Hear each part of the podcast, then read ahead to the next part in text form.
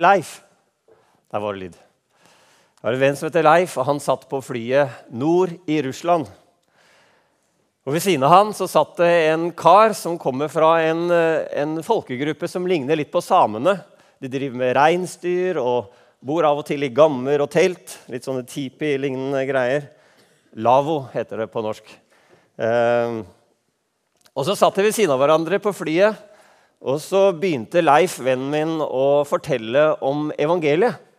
Han begynte helt på begynnelsen og fortalte om hvordan Gud hadde skapt menneskene. og Menneskene hadde mista kontakten med Gud, men at Gud sendte sin sønn Jesus for at vi skulle få kontakt med Gud igjen. Og Mot slutten av historien så utbryter denne karen som sitter ved siden av han. Dette er jo en helt fantastisk historie. Hvor lenge har dere kjent til den historien? Da ble Leif litt flau og forlegen. Han kikket litt ned og så sa han vel Vi har vel kjent til det ca. 1000 år i Norge. Men eh, Da kom han. Det er en sånn nenser. Men så spør han men, men hvorfor har ikke vi hørt før? Jesus han gikk rundt på jorda her og demonstrerte det som skulle komme. Han sa 'Guds rike er nær', og så sa han til gutta som uh, hørte på han, 'Kom og se. Kom og se hva som skjer. Kom og se hvor jeg bor. Kom og se hva som jeg holder på med.' Og etter å ha invitert de til å komme og se, så sa han, 'Kom, følg meg.' Og så tok guttene som fulgte etter han, de fortsatte på samme måte som Jesus, og de sa De de sa Skal vi se Det var det ikke, nei. Philip for eksempel, kom og begynte å si til sine venner Kom og se. Jeg har funnet noe som er helt ekstraordinært. Jesus kom, og så sa han, 'Jeg vil gjøre dere til menneskefiskere'. Og Noen ganger så ser vi noen ting som griper fatt i oss på en helt spesiell måte. Jeg tenker på en ung kar som het William Wilberforce. Kanskje har du hørt om han i kirkehistorien eller i vanlig historie. Han var en rik, ung mann fra England som likte å feste. Men i ungdommen sin så møtte han Jesus, og så begynte han å kikke rundt seg. Og så så han slaveriet, og så tenkte han det her er jo ikke bra. Og så begynte han å jobbe bevisst for å avskaffe slaveriet. 18 ganger så la han frem lovforslaget i Stortinget eller parlamentet i England uten at det gikk gjennom. Men den 18. gangen så stemte de alle for å forby slaveriet. Han hadde sett en visjon, og så jaget han etter det. Eller vi har disse gutta som ville fly. Eh, det kan vi være glad for, at det var noen som tok sjansen. De hadde sett at det måtte være mulig å fly. Brødrene Wright. Og i 1903 så fikk de denne skuta, eller ikke skute, men eh, dette flyet opp i lufta. Og vi kjenner andre for eksempel så har vi Billy Graham, som er en sånn kjent evangelist som mange av oss har hørt om. Som en gang så et visjon, et syn, av mange mennesker som søkte frelse. Men for å komme enda nærmere så satt det en mann som het Ludvig Carlsen, nede i Kongens gate 1, i det gamle fengselet der hvor jeg til daglig har mitt arbeidssted. Han satt på celle 9. Og så var det en andaktsholder som kom på besøk og holdt andakt i fengselet. Men Ludvig ville ikke være med på andakt. Men andagsholderen han spurte de fengselsbetjentene som var der, om det ikke var noen flere i fengselet. Jo, det var en som satt på celle 9. Så gikk han bort til celle 9 og åpnet den lille luka. Vi har de fortsatt, disse lukene. Det er der vi gir mat til DTS-studentene. Nei, det er ikke det. Så lener han seg inn, og så gir han en hilsen til Ludvig Carlsen og dette har Ludvig fortalt selv, så sa han det at da fikk jeg se et syn av meg selv. Hvor jeg sto foran masse mennesker som kom og søkte Gud for frelse. Ja, Visjonen var så sterk sa han, at jeg måtte begynne å lese en cowboybok for å få tankene mine over på noe annet.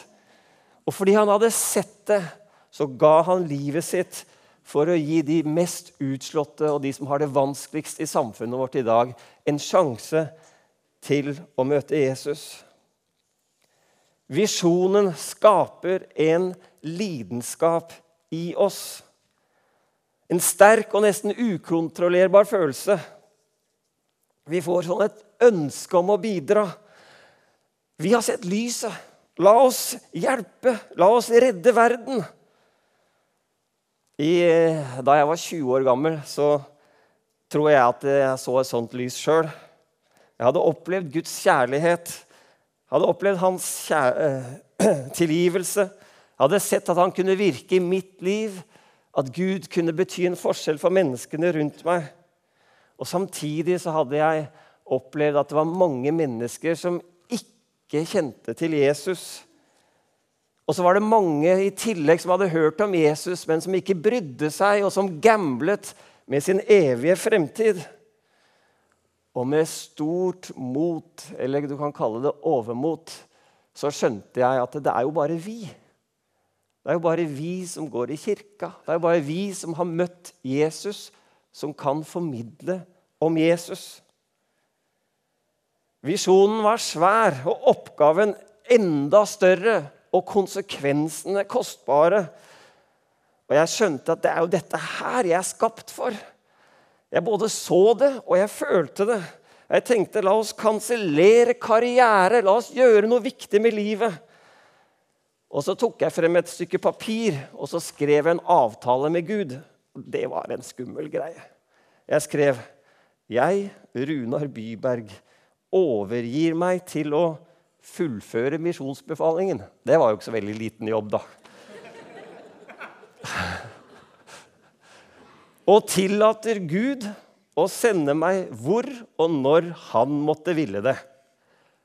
Og så skrev jeg sted, Ottestad, dato 24. august, og så skulle jeg skrive under. Så ble jeg litt sånn nervøs, fikk litt kalde føtter. For jeg tenkte at de har jo sagt at han skal få lov å sende meg hvor som helst. Ja, hva med Nord-Norge, da? Der er det jo kjempekaldt. Eh, og, og, jeg har jo et sånn iboende kall til å tjene Gud et sted hvor jeg kan gå i shorts. Ikke sant? Hvor det er deilig og varmt, og kanskje litt palmetrær og bølgeskvulp. og alt mulig sånn. Eller hva om han hadde sendt meg til et sted det ikke var McDonald's? Jeg mener, jeg er jo en voksen mann, men jeg liker jo fortsatt McDonald's-mat. jeg. Eller hva om han hadde sendt meg til et merkelig utland før jeg hadde blitt gift? Det hadde vært en katastrofe. Men allikevel så skrev jeg under, for jeg var grepet. Kanseller karrieren. Gjør noe viktig med livet. Men så er det sånn at visjon lekker, akkurat som om du holder sand i hånda. Det bare renner ut. Og det går ikke så lang tid etter du har sett lys, etter du har vært begeistra for noen ting, at du blir avledet av hverdagens gjøremål. Travelhet, nære ting, fjerne ting, plikter, rutiner. Og så mister man av syne det man brenner for. Så blir man en del av problemet istedenfor å være del av løsningen. For man er jo enten-eller. Og her i denne situasjonen så kommer Jesu ord til disiplene som faktisk da er temaet for disse seks ukene. Gutta, disiplene, de hadde vært opptatt av mat. De hadde vært, gjort innkjøp, og de gjorde stand et måltid. Og de skjønte ikke hva Jesus gjorde når han satt borte på brønnen og hadde samtale med ei dame. Og De kom til Jesus og sa, 'Du, nå må du komme og spise, Jesus.' Og så sier Jesus, 'Gutter, løft blikket.' Av og til så trenger vi å løfte blikket vårt for å se visjonen igjen. Det hadde lekket litt for mye. De hadde mista målet av syne. Løft blikket, se på markene. Det er nå høsten er moden. Det er ikke i fremtiden, det er ikke, det er ikke om mange år, det er ikke om mange måneder. Men det er nå. Løft blikket. Løft blikket er en oppmuntring til mange av oss som kikker ned. Enten vi kikker ned i skam eller i sjenerthet eller pga. tungsinn og depresjon. Løft blikket er en oppmuntring til en som har blitt for nærsynt, for selvopptatt og kikker for mye på den berømmelige navlen. Løft blikket er en oppmuntring til de av oss som har vært kua eller hersa med. Løft blikket er en oppmuntring til de av oss som opplever at vi ikke strekker til. En gang hadde jeg en helt rar opplevelse.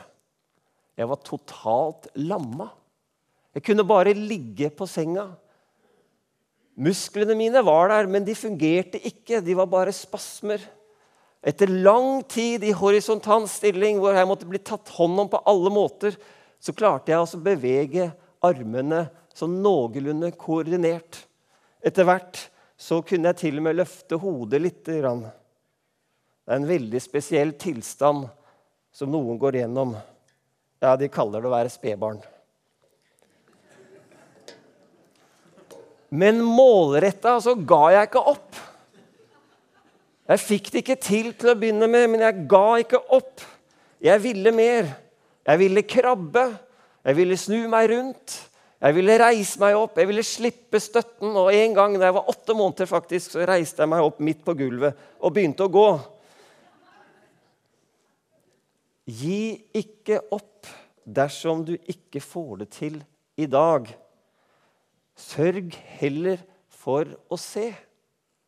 Og la visjonen gi deg både retning og styrke. Jesus minner vennene sine stadig om visjonen. Johannes evangelium, som denne historien er hentet ut fra, forteller om syv tegn, altså syv demonstrasjoner som Jesus gjorde. Og stadig så sier Jesus 'kom og se'. Og han sier i Johannes 9, vers 39.: Jeg har kommet for at de som ikke ser, skal bli seende. For tre uker siden så fikk jeg lov å be med fire ungdommer til frelse. Men det var en selvsommelig opplevelse. For midt i at jeg ledet dem i en sånn frelsesbønn, så kom jeg på at jeg hadde jo glemt åssen man har frelsesbønner. Det, det, var litt spesielt. Så ble, jeg tror at de ble frelst, men det var en litt morsom bønn. Og da skjønte jeg at jeg hadde jo lagt fra meg interessen for at mennesker skulle blitt frelst. Og når jeg forberedet meg nå siste uke for denne talen, så kom jeg til å tenke på min venn Jeff fra USA. Hver morgen så møtte jeg han. Og det var som Han tok på seg capsen, men han tok ikke på seg capsen idet han gikk ut døra, men han tok på seg tupeen. Han hadde litt lite hår, og han ønsket å skjule sine alderstegn med en sånn tupé. Og Det var lang tid før jeg kjente han, eh, som jeg kjente han, hvor, han, hvor jeg plutselig møtte han uten hår, og da fikk jeg jo sjokk.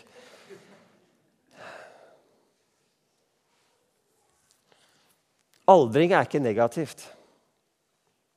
Alderstegn er heller ikke negativt. Det er heller motsatt, tenker jeg. Det er noen ting som bare bedre over tid, når det modnes, når du får brukt litt tid.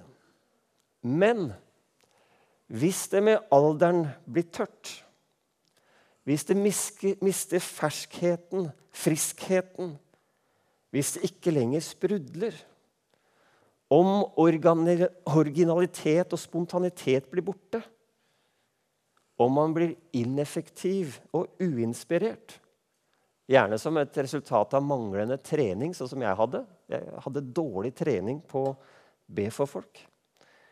Eller at du har gjort de samme greiene om igjen og om igjen og om igjen altfor lenge. Da kan det bli negativt.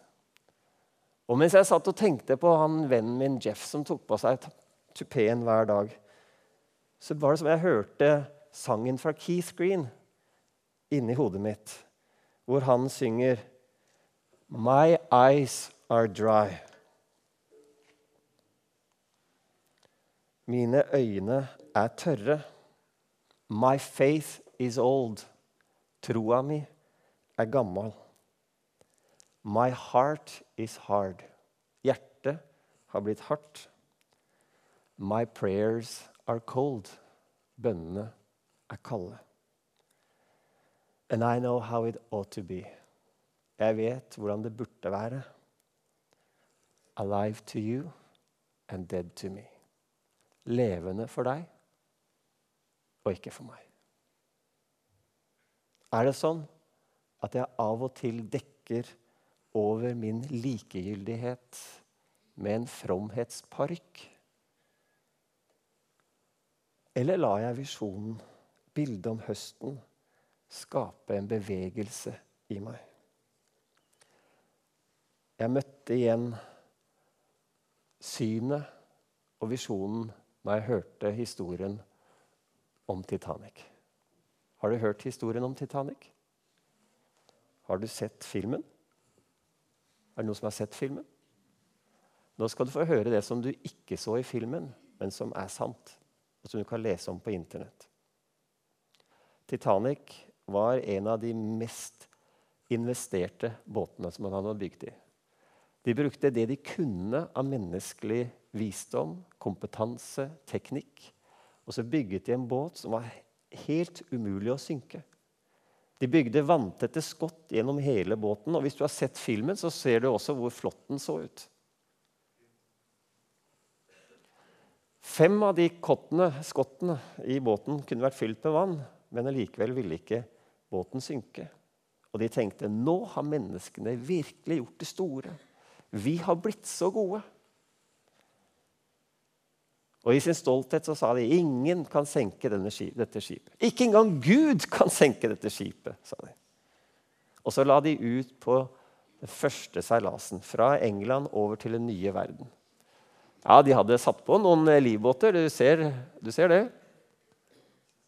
De ligger omtrent der. Ikke til alle, selvfølgelig, for den båten her vil jo ikke kunne synke. Så de hadde noen på, som, sikkert som utsmykning, kanskje mest. Det var plass til ca. 1000 mennesker om bord i de livbåtene. Og ut fra England så seilte de med et ønske om å sette en ny fartsrekord over Atlanteren. Og det gikk kjempebra. Helt til en natt, en mørk natt, en rolig natt, ikke noe stormfull natt, men en rolig natt, hvor radiotelegrafisten om bord på Titanic fikk et budskap over radioen som sa Vær forsiktig. Vær forsiktig. Vi har truffet på et belte av isfjell, og vi ligger helt stille. Dere må være forsiktige, alle dere som hører dette budskapet. Og når kapteinen om bord Titanic fikk det budskapet, så tenkte han ah, der ryker fartsrekorden vår. Men han var lur. Han tenkte ut hva, hvis jeg setter ut noen ekstra vakter, noen som kan stå helt foran i baugen, og noen som står ekstra på broa, så skal vi klare det. Og han fortsatte på samme tempo, og folka sto og holdt utkikk. Og de gjorde jobben sin. Og plutselig så var det noen av de som sto og holdt utkikk, som kikket forover, som så at stjernene i horisonten ble borte. Hæ? Hva er dette her for noe? Oi, det er et isfjell rett foran oss! De sendte beskjeden opp til broa, og båten prøvde å svinge unna isfjellet. og Det skulle de selvfølgelig aldri ha gjort, for da traff de isfjellet på sida. Og så åpna isfjellet Titanic sitt skrog som en boksåpner åpner en blikkboks. Ikke én og to og tre vanntette skott, for da hadde båten flyt, kunne flyte, men i seks vanntette skott. Som ble fylt med vann, og skipet begynte å synke. Og Titanic sendte ut nødmelding. SOS. Kom til unnsetning. Vi synker. Redd oss. SOS. Save our souls. Redd sjelene våre. Folk begynte å gå i livbåtene. Hver av livbåtene hadde plass til 60 personer om bord. Men det var sånn komplett kaos at noen av, de livbåtene rodde bort med bare tolv mennesker oppi. Og så sank, sank skipet, og menneskene havnet i det iskalde vannet.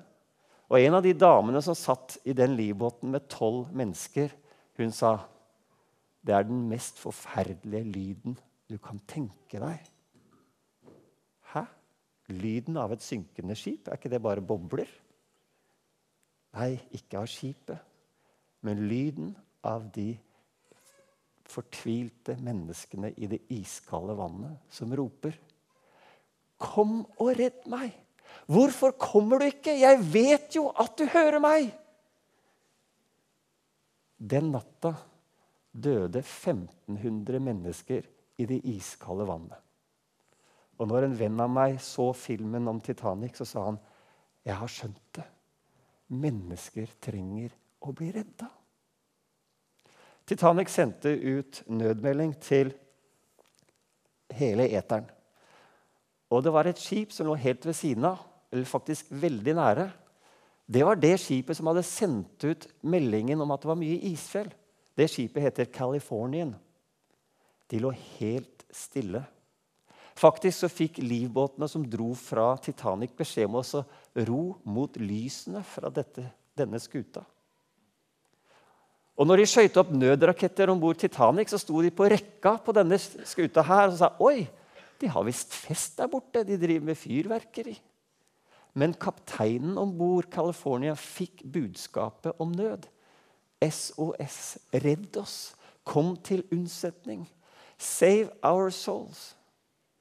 Men båten lå helt stille, og etter hvert så drev strømmen dem bort, og livbåtene nådde aldri frem. Hvorfor lå de stille? Jo, de var så redd for omstendighetene, isfjellene, alt som var rundt dem, at de turte ikke å komme til unnsetning. Det var ett skip til i nærheten som seilte rett imot ulykken. I lang tid var det et mystisk skip. For idet de fikk budskap om nød, SOS, kom til unnsetning, hjelp oss, save our souls, så snudde de, og så seilte de unna. Hvem ville gjort noe sånn? Altså Hvis du er sjømann, så vet du at er det én ting du gjør, så kommer de til unnsetning til mennesker i havsnød. Hvorfor seilte de unna? Ingen visste hvem det var. Før styrmannen om bord Samson, denne skuta her, på sin dødsseng bekjente Du, det var vi. Det var vi som seilte unna. Vi hadde drevet med ulovlig fangst og var redd for å bli avslørt, så vi seilte unna. Den natta døde 1500 mennesker i det iskalde vannet. Den skuta var norsk, heter Samson. Var en tredje skute i nærheten, litt lenger bort. En gammel skute, en damp skute som heter Carpathia. Denne gikk i 13,5 knop på maksfart. Når kapteinen om bord denne skuta fikk beskjeden om nød SOS! Hjelp oss! Kom til unnsetning! Vi synker! Så står det skrevet i historiebøkene at han falt på sine knær og ropte til Gud. Gud, hjelp oss om mulig å redde noen! Og så beordret han full fart fremover. Og når han nærmet seg ulykken, så viste det at de seilte i 17 knop istedenfor 13,5. Og når det ble lyst rundt dem, så så de at de hadde kjørt slalåm mellom isfjell. Men Carpathia var i stand til å komme frem til ulykkesstedet og plukke opp 705 overlevende. Hvorfor forteller jeg en sånn historie? Jo, jeg tenker det er fordi at uh, vi er jo omtrent som sånne båter. Alle av oss er som Titanic. Vi kan være utrolig fine og vakre og flotte på utsida, men alle av oss trenger en redningsmann. Og det er ikke bare fylliken i gata som trenger en redningsmann. Men det er også de som bor i åsen. Det er også de som er vellykkede. Alle vi trenger at Jesus redder oss. Og Jeg har så lyst til å si det helt sånn bånn ærlig. Hvis du ikke har blitt redda av Jesus, så la Jesus bli din redningsmann i dag. Men så kan vi være også sånne redningsbåter. Vi kan være som Californien, som ligger helt stille. Redd for omstendighetene, Redd for hva naboen skal si, redd for hva de på jobben vil si. Og så ligger vi feige, helt stille. Det var ikke det ved den historien som tente en brann inni meg. Vi kan også være som denne skuta Samson, denne norske skuta, som hadde drevet med ulovlige ting og var så redd for å bli avslørt at de mista all frimodighet. Sånn kan vi som mennesker også være, at vi driver med så mye gærent at vi mister vår egen frimodighet midt i hele prosessen. Men det var ikke det som tente visjonen inni meg. Det som tente visjonen inni meg, var denne skuta som heter Carpathia. Og kapteinen var villig til å ta en risiko for om mulig å redde noen. La oss be. Kjære Jesus. Jeg ber om at du skal tale til oss om høsten. Jeg ber om at du skal vise oss at høsten er stor. Hjelp oss til å løfte blikket. Om vi har gått med blikket ned av mange forskjellige årsaker. Hjelp oss å løfte blikket og se at det er ikke om mange år. Det er ikke når vi får et nytt kirkebygg. Det er ikke når noe annet kommer til å skje. Det er nå at høsten er moden. Og så vet vi det, Gud, at det er bare vi. Det er så visst ikke media. Det er så visst ikke staten. Det er ikke skoleverket. Det er vi. Det er vi som har blitt redda av deg, som kan få lov å være et vitne. Og så er det det folk trenger. De trenger et vitne. De trenger din Hellige Ånd. Og de trenger et ord for at de skal bli kjent med deg. Og jeg ber Jesus at du skal bruke oss. Jesus, jeg ber om at du skal la visjonen tennes i våre hjerter. Om vi har hatt den før, og den har glidd litt ut av hendene våre som det har lekket, så ber jeg Jesus at du skal tenne den på nytt igjen. La oss få lov å se det.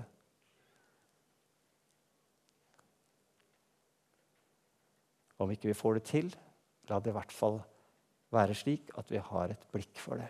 Vi har et syn og en lengsel om at vi vil dit. Jeg ber Jesus at alle vi som er her inne, skal bli så inspirert av Carpathia at vi vil være lik. Det ber jeg om i Jesu navn. Amen. Da kan vi få lovsangsteamet opp igjen. Så skal vi ha en liten stund hvor vi tilber Gud sammen.